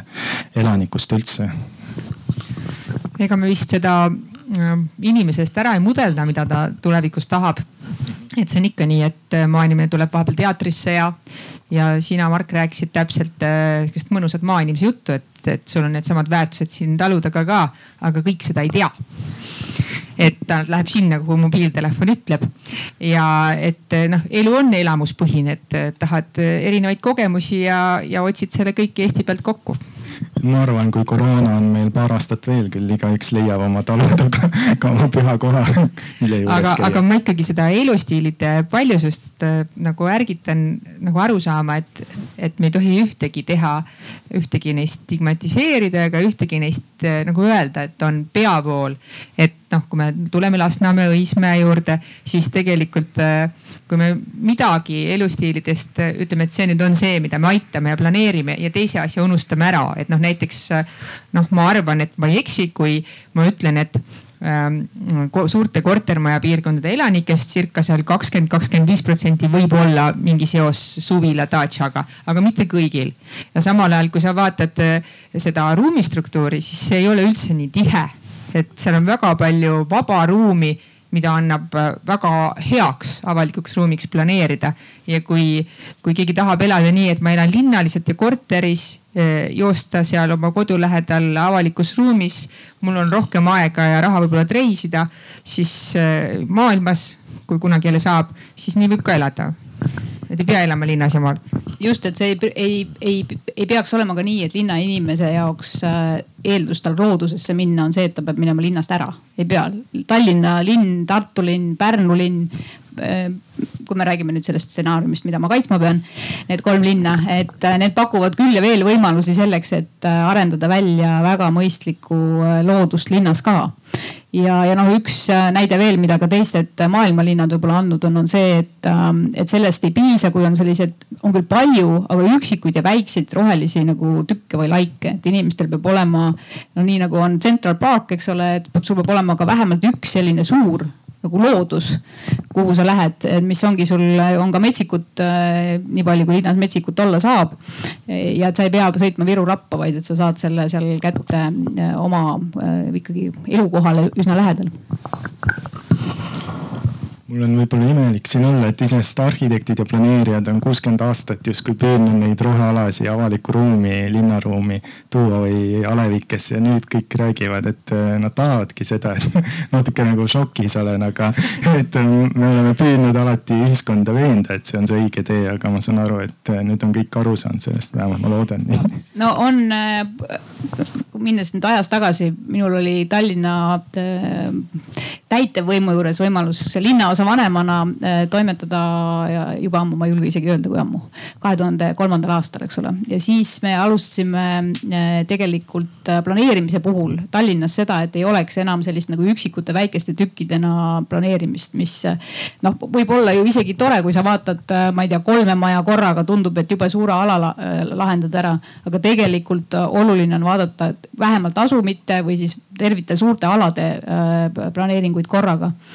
siis oli see tohutu äh, nagu ootamatu äh, kuidagi nagu areng, et äh, kogu aeg on saanud planeerida nii, et tuleb üks krundiomanik, kes tahab Tallinna südalinnas ühte oma seda kõrghoonet sinna ja tal on jumala ükskõik, kas seal läheduses tuleb kaks lasteaeda, kas seal on esimesed korrused jäetud avatud ruumiks, kus saab, ma ei tea, alates kohvikutest lõpetades noh, mis iganes avaliku ruumi kasutuse funktsiooniga ruume või mitte aga kui seda ala vaadata tervikuna, siis on seda võimalik kõike planeerida ja siis on võimalik vaadata ka sedasama rohealade omavahel haakuvust, et ei oleks nii, et, et on jooksurada või, või jalgrattarada, mis põmm lõpeb ühel hetkel ära, sest et rada saab lihtsalt keset ei kuskil otsa, sest et ei ole terviklikult lahendatud, ei ole terviklikult planeeritud. nii et jumala eest, ma ei tahtnud seda kuidagi nagu öelda, et arhitektid on midagi valesti planeerinud või midagi sellist, see ikkagi on otsustajate küsimus ja suutlikkus vaadata, suumida natuke kaugemale kaugemale ja vaadata seda pilti äh, tervikuna, mitte, mitte jupikaupa ja väikeste ja üksikute kinnistute kaupa. ja ei, lihtsalt positiivne on kuulda, et äh, kogu ühiskond soovib seda väikseid puslesi kokku panna ja lõpuks seda linna ja kogu meie, ütleme Eestimaad näha tervikuna. et äh, nagu siin ka vahepeal räägiti, et ei taha nagu maal elades Estonia teatrisse jõua kolmekümne minutiga. tegelikult see Kehra näide oli, on ju, Kehra näide on see just, kus on rongiühendus olemas kolmekümne minutiga vist saab Balti jaama, kahekümne minutiga saab Ülemiste City'sse ehk lennujaama põhimõtteliselt ja võrrelda näiteks Lasnamäega, mis on võib-olla näiteks ühistranspordi poolest natuke ajas toppama jäänud, sealt Äh, on vist sõit kuskil nelikümmend minutit äh, Ülemiste City'sse, et selles mõttes siin ongi see näide, et äh, hästi planeeritud maaline või linnaline keskkonnas on võimalik igast asju teha hästi. Lasnamägi on mitu korda läbi käinud, siis Lasnamäe on selles mõttes jälle üks nagu ilmekas näide sellest, kuidas, kui sa korra kanalis sees oled Lasnamäel, sa jõuad linna väga kiiresti ja seda kogu aeg kasutatakse näitena, et mis te räägite, et Lasnamäel on selle ühistranspordiga mingeid probleeme. jube kiiresti mööda kanalit jõuate seitsme minutiga, sõltuvalt kust te alustate alustate parasjagu või kümne minutiga linna. aga, aga, aga inimesed ei ela ju kanali ääres kõik, et äh, selles mõttes jällegi üks hea näide, kus võiks tuleviku peale mõeldes saada täielikult nagu mudel linnaosa sellest, kuidas kaasaegne transpordilahendus, paindlik transpordilahendus, säästlik transpordilahendus arvestaks inimeste nagu päris elukohti ja päris vajadusi ja seoks need omavahel kokku selle kiire transpordiga siis sealt kanalist äh, otse linna. et ega need inimesed ju kuskile ei kao sealt, et see vajadus ei, ei ole väiksem ma ei tea, kümne aasta pärast või viieteistkümne aasta pärast see püsib ja noh, mina arvan, et kui me oleme Eestis nagu kõikide uuenduslike asjade puhul üldiselt olnud hästi nagu sellised äh, head näited, siis seesama linnalise liikuvuse ja transpordilahenduste viimine täiesti teisele äh, tasandile. nii et meid hakataks äh, hindama nagu mudel, mudelpiirkonnana, seda igal juhul tuleks teha. ja lisaks noh, mitte sellepärast, et see oleks äh, tore teistele näidata, kes väljast vaatama tulevad, vaid sellepärast, et me oma inimestel oleks ikkagi nagu mugavam toimetada seal, kus nad oma elukoha valinud on. ma liiguks nüüd viimase teema juurde enne hääletust, mis on siis identiteedi teema ja ähm, see identiteedi teema tegelikult lähtub sellest, et kui meil on igalt poolt äh, väga hea ligipääs äh, maailma äh, kui meil on äh, igal pool väga kiire raudtee, äh, otseühendus lennujaamaga, veel kiirem internet, siis kuidas säilitada neid kohalikke eripärasid sellises globaliseeruvas maailmas. ja see ei ole võib-olla ainult tehnoloogia küsimus nagu raudtee või interneti osas, vaid see on ka seesama kahanemise küsimus, et meil on väga palju piirkondi, kus need äh, viimased äh, nii-öelda kultuurikandjad kaovadki ära ja, ja kuidas see kohalik kultuur, kohalik kultuuripärand siis seal ähm, edasi kestab. ja, ja see teemapüstitus tuli ka väga palju siis Margi stsenaariumist, sellest ühe tunni Eestist, kus me ka ettevalmistavalt arutasime, et äh, kas kõik kohad üldse tahavad, et neid ühendataks äh, sellesse kiiresse võrgustikku või võib-olla ongi osadel kohtadel parem, kui nad saavad äh, ise edasi eksisteerida, ilma et neid keegi tahaks ühendada ja nad ise ei taha ka ühenduda just sellepärast, et olla edasi kultuurikandja. nii et äh, viimase teemana ma palun võib-olla seda ka natukene teil peegeldada et äh, võib-olla nii palju jah, et äh, statistikaametis on ka väga selgesti näha, et näiteks murded on, murdekeeled on äh, Lõuna-Eestis ja saartel siis väga hästi säilinud või selline mitmekesisus on säilinud. samamoodi looduslikud sellised eripärad, kultuuripärand on just nendes kohtades, mis on sellisest segatud või äh, läbivast, ütleme alast Kesk-Eestist ja nii edasi natuke kaugemal. et see on see väärtus, mida tasuks hoida. Et planeerimise mõttes ma arvan, on oluline, et kui me räägime siin sellistest äh, progressist või ühistranspordist ja nii edasi, et me paralleelselt ka kogu aeg hoiaks äh, tähelepanu sellele kultuuripärandile ja suudaks seda kuidagi kirjeldada, ehk siis äh, kui me suudame selle ära kirjeldada, siis me suudame seda ka planeerida, hoida tulevikku, tulevikus. jah, see on kuna mul endal on ka pooled esivanemad saarlased, siis ma, ma olen eluaeg mandri peal elanud ja, aga ma ikkagi hingelt ja ütleme päritolult pean ennast saarlaseks ja, ma olen hästi palju mõelnud selle sama teema peale, et, et kui palju või kui vähe seal Saaremaal või Setumaal või,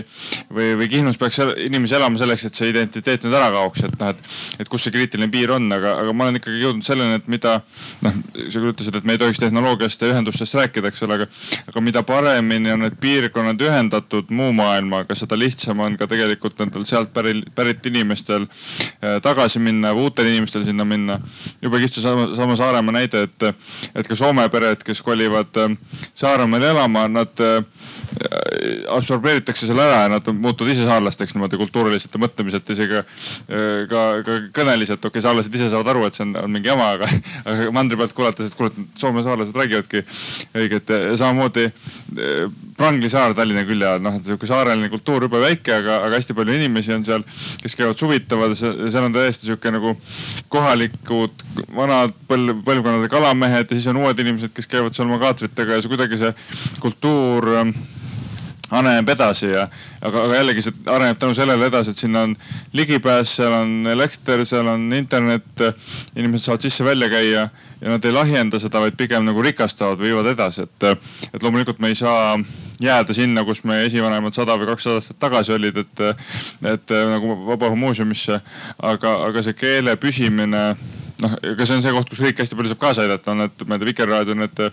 mulgi keeletunnid või minutid ja, ja võru keele minutid ja tunnid ja saare keele ja need noh, sellised asjad nagu aitavad kaasa. aga, aga inimesi ei saa või maksa isolatsioonis hoida kuskil seal kohapeal kinni, et, et sellega see asi noh, paarikümne aasta pärast ikkagi sureb, sureb päriselt välja. et selline integreeritud kultuur, edasiviimine, see tegelikult äh, toimib järjest jõulisemalt minu meelest kindlasti peab kogukonna käest küsima, mis ta tahab. et mina arvan, et ühendatus annab valiku. et kui, kui see ühendatus on olemas ja siis annab sulle valiku, mis sa teed. Äh, mina olen pool Sõtu, pool Setu ja pool Võrukene ja elan Tartus ja ma ütleks, et see on küll tegur, äh, miks ma tahan äh, olla oma elus lastega seotud Võrumaaga. ja, ja niipidine ühendatus on, on samamoodi tähtis. ja nii palju, kui ma tean seda sfääri, siis tegelikult seda kultuuri kandmist Võrumaal, Setumaal, Mulgimaal, Saaremaal kannavad ikkagi haritud inimesed ja, ja see teistmoodi ei säilikski tänapäeval enam. et see on, see on ikkagi selline teadlik valik. Äh, aga noh, see muidugi see maa identiteet ja maa eripära, aga me võime siin ka mingeid teisi identiteedi teemasid lahata nagu, nagu näiteks, et äh, kes need inimesed on, kes, kes tulevad Eestisse. et äh, ma ei tea, kas ma tahan seda teemat avada, aga selles mõttes, et kui me praegusi rändetrende vaatame, siis, siis, siis venekeelsetest riikidest on väga lihtne Eestisse tulla. Ja see on jällegi nagu teema, et missugusesse keskkonda siis inimesed sulanduvad eestikeelsesse või venekeelsesse, et meil on kahjuks pakkuda tulijatele nagu ainult selline paralleelühiskond praegu. et, et see on nagu meie enda avatuse küsimus, et ja võib-olla ka meie enda muutumise küsimus, aga ka, et mis keskkonda me siis pakume tulijatele. selle koha pealt tegelikult noh, meil täiesti on olemas ka inglisekeelne keskkond, et see on küll on väiksem, aga ka mitmed noh, on Skype'i või Transferwise'i vanad kolleegid, kes kümme aastat on Eestis elanud, neil ei ole põhjust olnud eesti keelt äh, õppima hakata, sellepärast et kogu ühiskond toimib ka nende jaoks inglisekeelsena, et see tegelikult see on ka noh, okei okay,, Saaremaal või Setumaal võib-olla oleks raskem natuke, aga Tallinnas või Tartus või Pärnus on see täiesti igapäevaelu osa tegelikult üks aasta varasem inimarengu aruanne käsitles segregatsiooni muuhulgas ja, ja noh, seal see pilt tegelikult muidugi linnadest, äh, ühiskonnast on, on, on, on kaunis kurb Eestis. selles mõttes, kuidas äh, meie haridussüsteem äh, noh, praegu kahjuks hoiab seda segregatsiooni ringi üsna, üsna elujõulisena. aga äh, nähes, et vihma on hakanud sadama, siis väga lühidalt selle küsimuse juurde tulles, et ma olen nõus sellega, et minu meelest me ei saa ju äh, otsustada inimeste eest, et, et kas, kas nad peaks ähm, püsima ilma ühendusteta ja püsima täpselt selles ruumis, ähm, noh, mis küll on nagu selline autentne, aga kus nende väga mitmed mugavused ja areng, areng on puudu, et see ikkagi saab olla nagu inimeste enda otsus. kui nad otsustavad, et nad tahavad eh, sellisel kombel eh, hoida ja arendada, siis seda tuleb toetada. aga, aga kuidagi nagu vägisi või jõuga hoida kedagi mingisuguses suletud ringis ja lõksus, noh seda kindlasti ma arvan, et teha ei saa ja ma õnneks loodan, et seda ka keegi teha ei taha sama Saare, Saaremaa peale tagasi mõelda selle teemat jätkates, et, et jube kurb on vaadata ka oma suguvõsast mitmed tublid saare naised kõige ehedamas mõttes, kes on läinud Inglismaale või Norrasse lapsi hoidma või noh, ütleme koduabilisteks või lihtsamate tööde peale selleks, et, et mõistlikult ära elada. et mis, mis ongi viinud sellesamani, et, et kohalik kogukond on liiga, liiga väike, võib-olla ikka mitte füüsiliselt, aga samas ühendused ja nagu, nagu sa ütlesid, et see valikukoht, kui, kui ühendused on head, see on valikukoht, kas ma tahan minna või ei taha, et kui, kui saaks iga päev Tallinnas, Saaremaalt tööl käia. et noh, võib-olla siis ei peaks Norrasse ära minema ja ainult kord aastas tulema, vaid saaks nagu iga nädalavahetus kodus käia. et see. ja see toob tagasi jälle selle juurde, et inimesed valivad oma elukohaks selle koha, mis on lahe ja mõnus. Äh, praeguselt järjest rohkem ja jälle ma hüppan korraks sellesse eelmisesse paneeli, Ida-Virumaa paneeli, et äh, umbes aasta aega tagasi, äh, see oli eelmise aasta sügisel oli Ida-Virumaal äh, siis Ida-Virumaa arenguseminar, kus muuhulgas küsiti kohalikelt inimestelt, et äh, noh, nagu piltlikult öeldes, et kui teil oleks siin nagu sada miljonit, äh, võib-olla oli see summa suurem, mingi piiramatu kogus raha investeerida. kuhu te seda investeeriksite, kas te laiendaksite põlevkivitööstust, kas te teeksite head transpordiühendused ülejäänud riigiga ja veel hulk loetelusid oli. põlevkivi nende enda kohalike juhtide inimeste arvates oli kõige viimane, kuhu Ida-Viru enda inimesed inimesed tahtsid investeerida ja kui ma nüüd ei eksi, siis ma ei mäleta neid protsente täpselt. esimene oli just nimelt need kiired ühendused, et oleks võimalik äh, käia tööl, aga elada seal, kus nad on oma elu äh, sisse seadnud. et see veel kord näitab seda, et kui inimesel on elada see, see, see ruum, see keskkond, äh, kus nad toimetavad. seal on teenused ja tal on seal elada hea, siis ta eelistab seda igal juhul. ma nii palju lisaks, et ma arvan, et äh, selline kiirühendatus või ühistransport või avaliku ruumi kättesaadavus ei tohiks nagu olla vastandik selle kultuuripärandi, kuigi ta nii hetkel veel ajalooliselt justkui on olnud nagu need äh, Lõuna-Eesti ja Saaremaa näited. et et äh, võib-olla lihtsalt planeerimise mõttes oleks oluline, et me prioriteet üks on see kultuuripärand ja sealt edasi me hakkame arendama või kultiveerima siis uusi arengusuundi, et kas see on siis kiire ühendus või midagi muud. et ma arvan, kui me suudame fikseerida, mis on oluline või näiteks mulle meeldis või ma jäin mõtlema selle Rail Balticu osas, et see selline sirge joon tõmmati ümber üle Eesti on ju, et iseenesest kui me oleks ühe jõnksu ümber sellise väärtusliku puu teinud, et siis see ütleme, žest oleks, ütleme aastatuhandeteks ju fikseeritud ja me, see põhiline kultuuripärand, mida eestlased tegelikult e esindavad või vähemalt püüavad või mõtlevad sedaviisi suuresti, on see looduslik, looduslik selline hingestatud olemine. nii, me teeme nüüd äh, väikese hääletamispausi Äh, siin on küll vihm äh, organiseerinud inimesed ise juba äh, postrite juurde. minu arust on tekkinud linnalised piirkonnad meil siin telkide all. linnalised piirkonnad, aga ma ei tea, kas see ka tegelikult on see juhuslik või see esindabki teie arvamust. nii et me siis, kui teil on teie lapatsid olemas, kellel on, siis saab ähm, veel seda otsida ja saab ka oma meelsust näidata, kuigi me siin niimoodi väga täpset äh, statistilist ülevaadet teile ei saa kokku lugeda täna aga nii, hakkame siis pihta selles samas järjekorras, äh, kuidas teile ka stsenaariumeid äh, tutvustati, ehk siis Keidi tutvustatud stsenaarium Vabatahtlikult linnadesse sunnitud Eesti. roheline värv, kui see on teie eelistatud stsenaarium, kollane, kui see on selline okei okay,, kõlbab küll stsenaarium. ja punane, kui see on selline tulevik, mida te kindlasti ei soovi. nii hääletuse aeg. seal meil on äh, punased, punased, mõned kollased. nii, kollaseid on seal päris palju ja ka punaseid ja veel punaseid, nii et. aitäh äh,, nõus suhteliselt selge arvamus. nii, siis on meil järgmisena äh, Margi äh, tutvustatud äh, Ühe tunni Eesti, mille poster asub siis äh, seal. kuidas teile Ühe tunni Eesti tundub? nii, päris palju rohelist on postri lähedalt tulemas, aga ka punast on seal näha. nii, seal on rohelised, seal on peamiselt rohelised, mõned kollased ja veel rohelisi no ütleks nii, et roheline, aga ka on päris palju äh, kollast ja, ja punast, nii et mitte väga selge äh, suund ühe tunni Eesti poole, aga mõningal määral siiski. nii, Taavi ja krattide ja marakrattide maa, mille poster meil asub seal, kõrgtehnoloogia, aga samal ajal küllaltki kihistunud Eesti. nii, punane seal on igasugused toonid, aga domineerib punane, kollane, punane, aga ka mõned rohelised. kollane ja ütleks niimoodi, et suhteliselt äh, segane lugu nagu see stsenaarium ka ise. et äh, suhteliselt kihistunud on ka arvamused selles osas, et kas see on hea, halb või, või keskmine.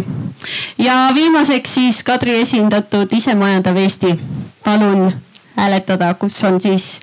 äh, elu rohkem äh, maal kui linnas ja kogukonnad ise organiseerivad seda. nii, kollased, rohelised. kollased, rohelised, aga päris palju rohelist, siiski ka mõned punased äh,. kollased, rohelised ja kollased, rohelised. nii aga ma ütleks, et äh, nagu nende stsenaariumite mõttega on siis väga selget võitjat meil välja ei kujunenud, et kindlasti on paar stsenaariumit, mis meil on eelistatud nagu äh, isemajandav Eesti, ühe tunni Eesti siis siuksed väga vastandlikumad, eks ju, mis on kratid ja marakratid ja ka vabatahtlikult linnadesse sunnitud Eesti. aga äh, tundub, et debatt peaks veel nagu jätkuma, et kui meil täna siin aeg saab otsa, siis saate seda jätkata kodudes ja järgmistel üritustel. aga nüüd kiired kokkuvõtted siis selles osas, et meie paneelis osalejad saavad siis ka öelda lõpuks välja selle, et mis nad ise nendest stsenaariumitest arvavad, ehk siis on, milline on nende eelistatud stsenaarium ja mida nad arvavad, et äh, selle stsenaariumini jõudmiseks peaks siis tegema esmajärgus ja ma mitte ilmaasjata ei öelnud selle aitähi siia vahele, kui ma seda esimese stsenaariumi hääletustulemust nägin, et ma arvan, et kui see päriselt nii läheks, et meil kahe tuhande viiekümnendaks, kolmekümne viiendaks aastaks kogu elu on koondunud kolme linna, siis see oleks päris, päris kehv stsenaarium. ja, ja ma olles realist, siis ma arvan, et, et iseenesest üsna mõistlik stsenaarium ja ka, ja ka ehk tõenäoline võiks olla seesama ühe tunni Eesti, kus, kus on nii linnade arengu peale mõeldud äh, ja proovitud leida seal nendes linnades sellist äh, siis nagu arengumustrit, mis, äh, mis ei muudaks need selliseks asfaltkõrbeks, vaid, vaid kus oleks ka linnas mõnus, mõnus elada. aga mis võimaldaks just nimelt nendel samadel ähm, erinäolistel piirkondadel väljaspool linnu heade ühenduste tõttu elujõuliselt eksisteerida, et ma, mu enda eelistus kaldub siia ühe tunni hästi ühendatud Eestisse loota mõttes ja arvestades, et, et see looduskeskkond nendes ähm, linnades äh, saab hästi hoitud ja arendatud. Äh, minul on samamoodi ühe tunni Eesti poolt ja ka võib-olla oluline on see, et kui me siin enamus või suur osa tõesti tahame kergliiklusteid, äh, rohetaristut ja avalikku ruumi, et äh, seda ka välja öelda. et tegelikult linnad, vallad ja nii edasi kõik hirmsasti planeerivad tänasel päeval ja järgmisel päeval ja nii edasi. aga kui sellist avalikku arvamust ei, ei jäägi kõlama, siis need otsused tehakse pahatihti nagu suht-teist halvad, et, et kui tänast sellist eelarvelist tasakaalu vaadata, siis äh, see, mis läheb äh, ühistransporti, kergliiklusesse või äh, rohevõrgustikku, et see on mõni protsent kogu sellisest suuremast eelarvest, mis paljuski läheb suurematesse taristuprojektidesse ja, ja paljudesse muudesse imelikesse kohtadesse. Äh, mul nimeliselt endiselt meeldib see mokrattide ja marakrattide Eesti endiselt kõige rohkem. et seda nutikust ja lasterohkust, aga, aga stsenaariumite endi sisse vaadates tegelikult see isemajandav Eesti äh, oleks ilmselt kõige vahvam, et see, see ühe tunni Eesti nagu mingis mõttes kattub sellega ka, aga, aga see me ei peaks endale eesmärgiks võtma seda, et kõik äh, kohad on omavahel nagu võrguga ühendatud, vaid, vaid ka, et ka kohapeal oleks nagu mõnus elada, et seesama see Keila näide, mis ma tõin, et noh, et Keilast saab küll Tallinnasse ka hästi, aga Keila ise on nii äge koht, et sealt, mis sealt ikka Tallinnasse ronida, eks ole. samamoodi Tartu külje all Elva, eks ole, mis on super, super äge koht, kus elada ja olla. et see elu on kohapeal nii ägedaks tehtud, et sul ei ole vaja tegelikult seda võrgustikku ühe tunniga sealt kuskile jõuda, välja arvatud lennujaama, kui, kui, kui sedagi, eks ole, tänapäeval. ja et see aga samas jälle see on ka kõige raskemini teostatav ilmselt, kuna see kogukonna põhimõtete, väärtuste omaksvõtmine, see ikkagi eh, väga, väga väiksel ühiskonnagrupil on selline hipilik community mõtlemine, seda on, aga, aga seda on ilmselt päris palju on vaja vaeva näha, et seda kasvatada, levitada. mina arvan, et ilma suure vaevata on üsna tõenäoline see, et Eestis on kolm keskust, Tallinn, Tartu ja kui raudtee teostub, siis ka Pärnu. mis on selles mõttes ju tore, et, üks regionaalne keskus tekib tugevam juurde. ja, ja kõige lihtsam, lihtsamini teostatav veidi positiivsem stsenaarium oleks ilmselt ühe tunni Eesti lihtsalt, et need kolm, need suuremad keskused oleks ka väikeste keskustega ühendatud. aga püüda võiks äh, selle poole, et äh, maalisusele ja linnalisusele ja eestlinnalisusele ja kõikidele nendele alaliikidele rohkem sisu anda et see valik, mis väikses Eestis on, et neid elukeskkondade mitmekesisus on niivõrd suur, et see säiliks, sest see on tegelikult hea. nii, aga äh, ma tänan kõiki eh, paneelis osalejaid teie julguse eest seda stsenaariumi esindada, sest see ei olnud alati lihtne. nagu te ka siin ise tähele panite, siis äh, alati äh, see eelistus ja, ja roll äh, olid kaks eri asja